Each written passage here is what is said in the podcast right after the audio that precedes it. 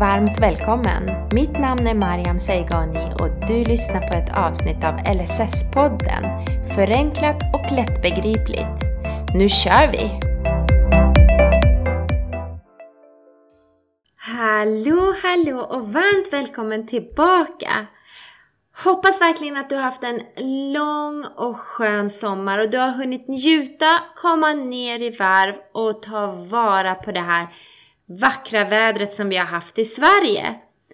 Både jag och LSS-podden har tagit en skön och välbehövlig sommarlov men nu är vi tillbaka med nya krafter och nya spännande ämnen att prata om. Och idag, i dagens avsnitt, så tänkte jag prata lite om merkostnadsersättning för barn. Som egentligen handlar om ersättning för de här kostnaderna som uppstår för dig som förälder som har ett barn med funktionsnedsättning. Och innan vi kör igång så vill jag passa på att presentera Evanda Assistans som är med och sponsrar LSS-podden. LSS-podden är ju ett sidoprojekt för mig då jag upplevde den här avsaknaden av ett enkelt och lättbegripligt sätt att förklara lagar och regler kring LSS. Och tack vare Evanda Assistans så har jag nu möjligheten att fortsätta att spela in och sända podden. Evanda Assistans är ett assistansbolag som utför personlig assistans i hela Sverige och det är där jag normalt spenderar min tid. Och med mig i spetsen så hjälper vi även till med allt från ansökningar till överklagan av olika hjälpinsatser inom LSS. Och vill du veta mer så får du jättegärna kolla in vår hemsida evanda.se. Men nu tycker jag att vi tar och dyker in i ämnet med en gång.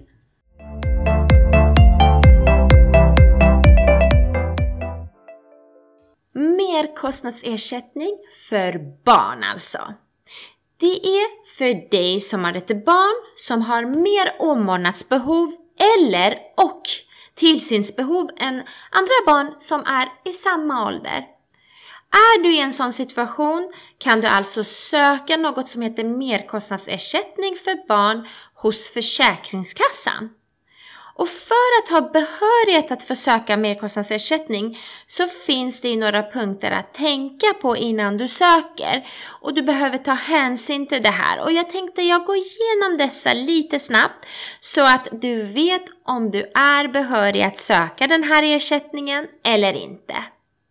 Och först och främst så gäller den här ersättningen dig som har ett barn med funktionsnedsättning och att den här funktionsnedsättningen ska vara i minst sex månader. Allting som är kortare än det så bedöms det inte som godkänt av Försäkringskassan. Dessutom så måste du och dina kostnader vara på minst 11 900 kronor per år. Och det ska vara utöver de vanliga kostnaderna som barn i samma ålder har. Och dessutom så, så måste de här äh, såklart bero på barnens funktionsnedsättning. Och sen så är det endast du som är vårdnadshavare eh, för barnet i frågan då som har rätt till den här ersättningen. Du ska alltså vara en förälder eller vårdnadshavare men du kan också vara en blivande vårdnadshavare till exempel om du är på, på gång att adoptera ett barn, då är du ju blivande adoptivförälder och, och då har du också rätt att söka den här ersättningen. Och du och barnet ska bo i Sverige. Det betyder då att ni är försäkrade i Sverige. Och det finns några undantag från den här regeln, men, men de tänker jag inte gå in på just nu. Eh, så vi låter det vara. Och om det finns två föräldrar, två vårdnadshavare, som ansöker så räknar man ihop barnens extra kostnader ihop då och då, då räknar man lite på merkostnaderna utifrån det. Men jag återkommer till det här med, med både föräldrar och sånt alldeles strax.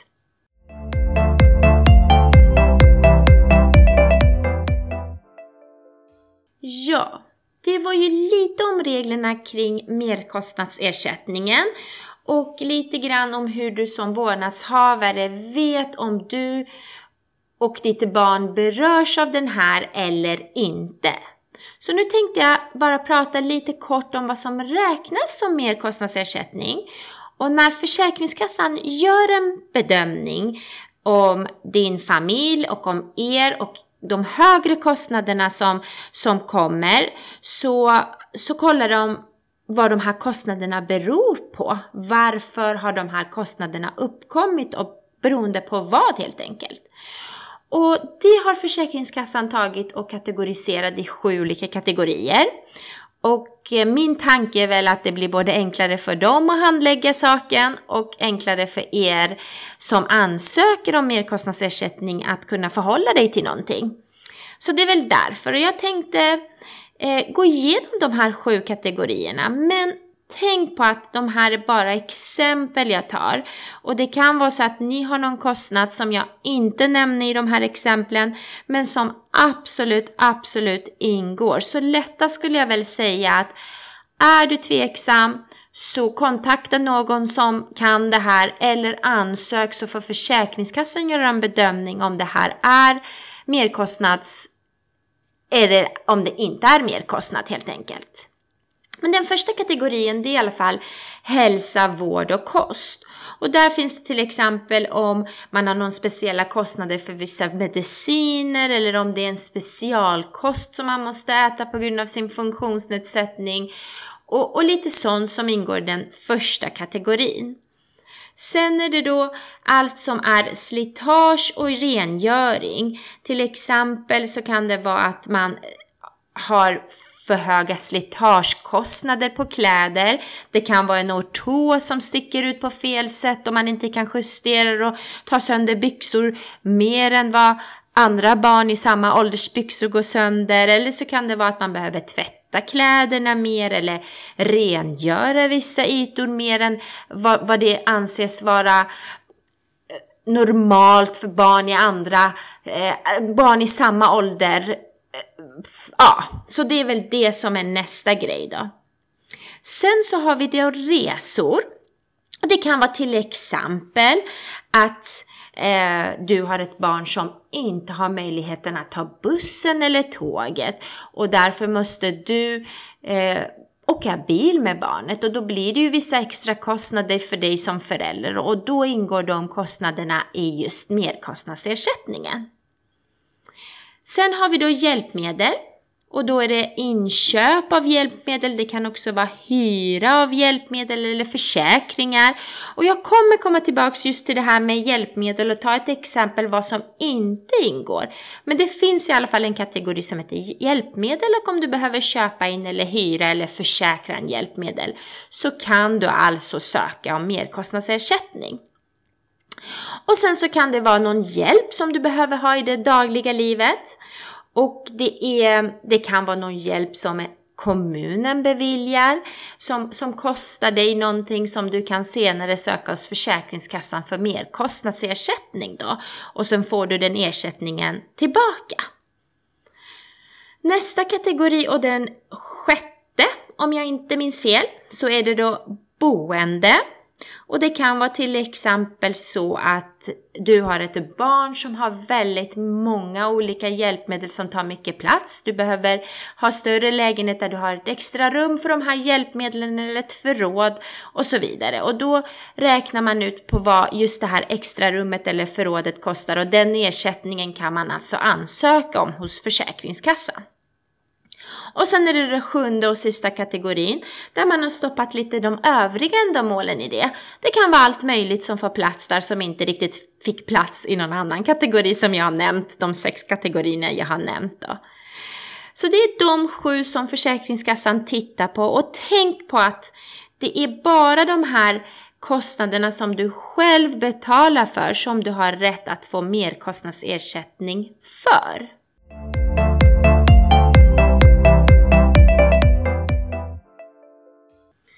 Jaha, och vad menar jag då att du bara kan få ersättning för det som du själv betalar för? Om jag tar ett exempel så kanske det blir tydligare att förstå vad jag menar. Till exempel så har jag ett barn som behöver en rullstol för att kunna förflytta sig. Och jag kan då få en rullstol som är utskriven av en arbetsterapeut som jobbar för landstinget, alltså staten. Och det är en kostnad som, som staten betalar för då. Och den kostnaden kan jag alltså inte få ersättning för. Och det är kanske ett självklart exempel som jag tog upp, men jag tar upp det ändå för att det ska bli tydligt. Och det kan också vara så att jag känner att nej men den här rullstolen som är förskrivningsbar, det är inte riktigt den rullstolen jag vill ha. Så jag vill köpa någonting och så ansöka om den ersättningen från Försäkringskassan. Och det kan vara så att det inte fungerar, för finns det likvärdig hjälpmedel som man kan få förskriven, det vill säga få låna eller få det gratis, så kan man alltså inte söka för det om man vill ha någonting utöver det som redan finns likvärdig att få av staten eller kommunen eller landstinget, regionen eller vad det nu än är. Så det, det är lite grann att tänka på när man söker merkostnadsersättning. Och ett tips när det gäller just hjälpmedel som ligger mig lite varmt i, om hjärtat eftersom jag är arbetsterapeut så tycker jag att du alltid kontaktar din hemkommun eller regionen innan du köper hjälpmedel för att, ja, men för att kontrollera helt enkelt dina möjligheter, om du har möjligheter till lån eller få utskrivning av hjälpmedel och så vidare innan du betalar någonting själv.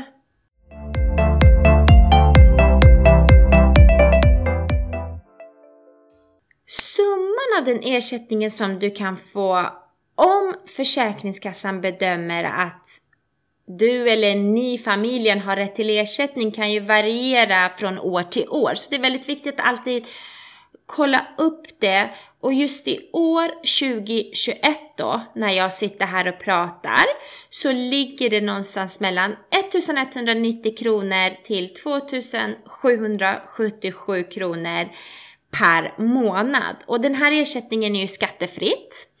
Tänk på att det är både månadsvis man kan få ersättning men man kan också få ersättning en gång klumpsumma för en, en sak som man har sökt för till exempel. Så att det lite varierar. Men nu pratar jag den ersättningen som man kan få månadsvis. Och det låg alltså mellan 1190 till 2777 kronor 2021. Och hur mycket per månad som du kan få mellan den här ramen som jag pratade om beror ju helt enkelt på hur mycket merkostnader som du eller ni har redovisat. Och som jag nämnde sist så är det minimumnivå på den kostnaden som måste redovisas för att man ens ska få, behö få behörighet till den här ersättningen. Då är det ju 11 900 kronor per år. Och har man kommit upp till den nivå så ligger det ju på lägsta 1190 kronor per månad. Och så kan man ju redovisa kostnader upp till ja, 30 000 någonting, 940 har jag för mig. Och då är det ersättningen 2777 kronor per månad. Och den här ersättningen är då skattefritt. Och sen finns det ju andra bedömningar däremellan då, eh, beroende på hur mycket man redovisar helt enkelt.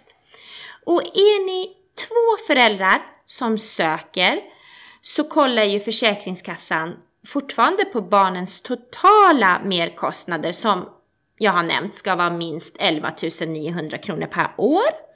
Och sen så kan ni föräldrar välja själva hur ersättningen ska delas mellan er. Och gör ni ingenting aktivt så blir det 50-50, hälften till mamma och hälften till pappa eller hälften till ena föräldern och hälften till den andra. Men skulle ni hamna i en situation där ni inte är överens så kolla Försäkringskassa på hur stor del av kostnaderna som ligger hos varje förälder och sen gör de en fördelning av pengarna därefter och om jag minns rätt så tog man, gjorde man en fördelning på, på eh, fjärdedelar och delade ut därefter.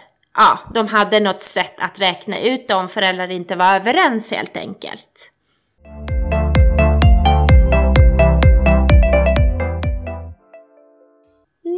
När du har fått höra lite om vad merkostnadsersättning är och vad som bestämmer om du har rätt till ersättning eller inte så kanske du vill ansöka om eh, merkostnadsersättning.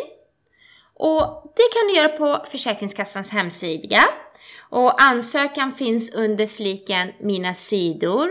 Och där behöver du såklart beskriva vilka merkostnader det finns och du kan också välja att du vill prata muntligt om det här och inte behöva skriva ner det i samma ansökan. Eh, men glöm inte att skaffa läkarintyg för, för ansökan där det framgår barnens funktionsnedsättning helt enkelt. Sen tar då Försäkringskassans handläggare upp frågan. Eh, de handlägger det och kollar om du har rätt till merkostnadsersättning eller er familj eller inte. Och har du det så, så är det en utbetalning den 18 eller 19 varje månad. Och för guds skull, glöm inte att meddela alla förändringar till Försäkringskassan. Det kan både vara att barnet har fått mer behov, hjälpbehov och då är det mer kostnader som har tillkommit. Men ännu viktigare om det har blivit mindre för du blir eh, återbetalningsskyldig och det kan, jag har varit med om situationer där det har dröjt länge och så har man blivit återbetalningsskyldig för flera månader upp till kanske till och med ett år om jag minns rätt. Så att kom ihåg att meddela alla så fort som möjligt alla förändringar men senast 14 dagar efter förändringen så att det här tråkiga inte ska hända dig. Och till och med om det är lite längre handläggningstid, att du skickar in det så tar det flera månader innan Försäkringskassan handlägger och ger dig ett beslut så är det retroaktivt från och med den dagen du har ansökt. Så att blir det så att de anser att du har rätt till merkostnadsersättning så går det bakåt i tiden alla månader du har stått och väntat på handläggaren och sen får du pengarna retroaktivt då. Så det borde inte vara några som helst problem trots att jag vet att det är längre handläggningstider just nu.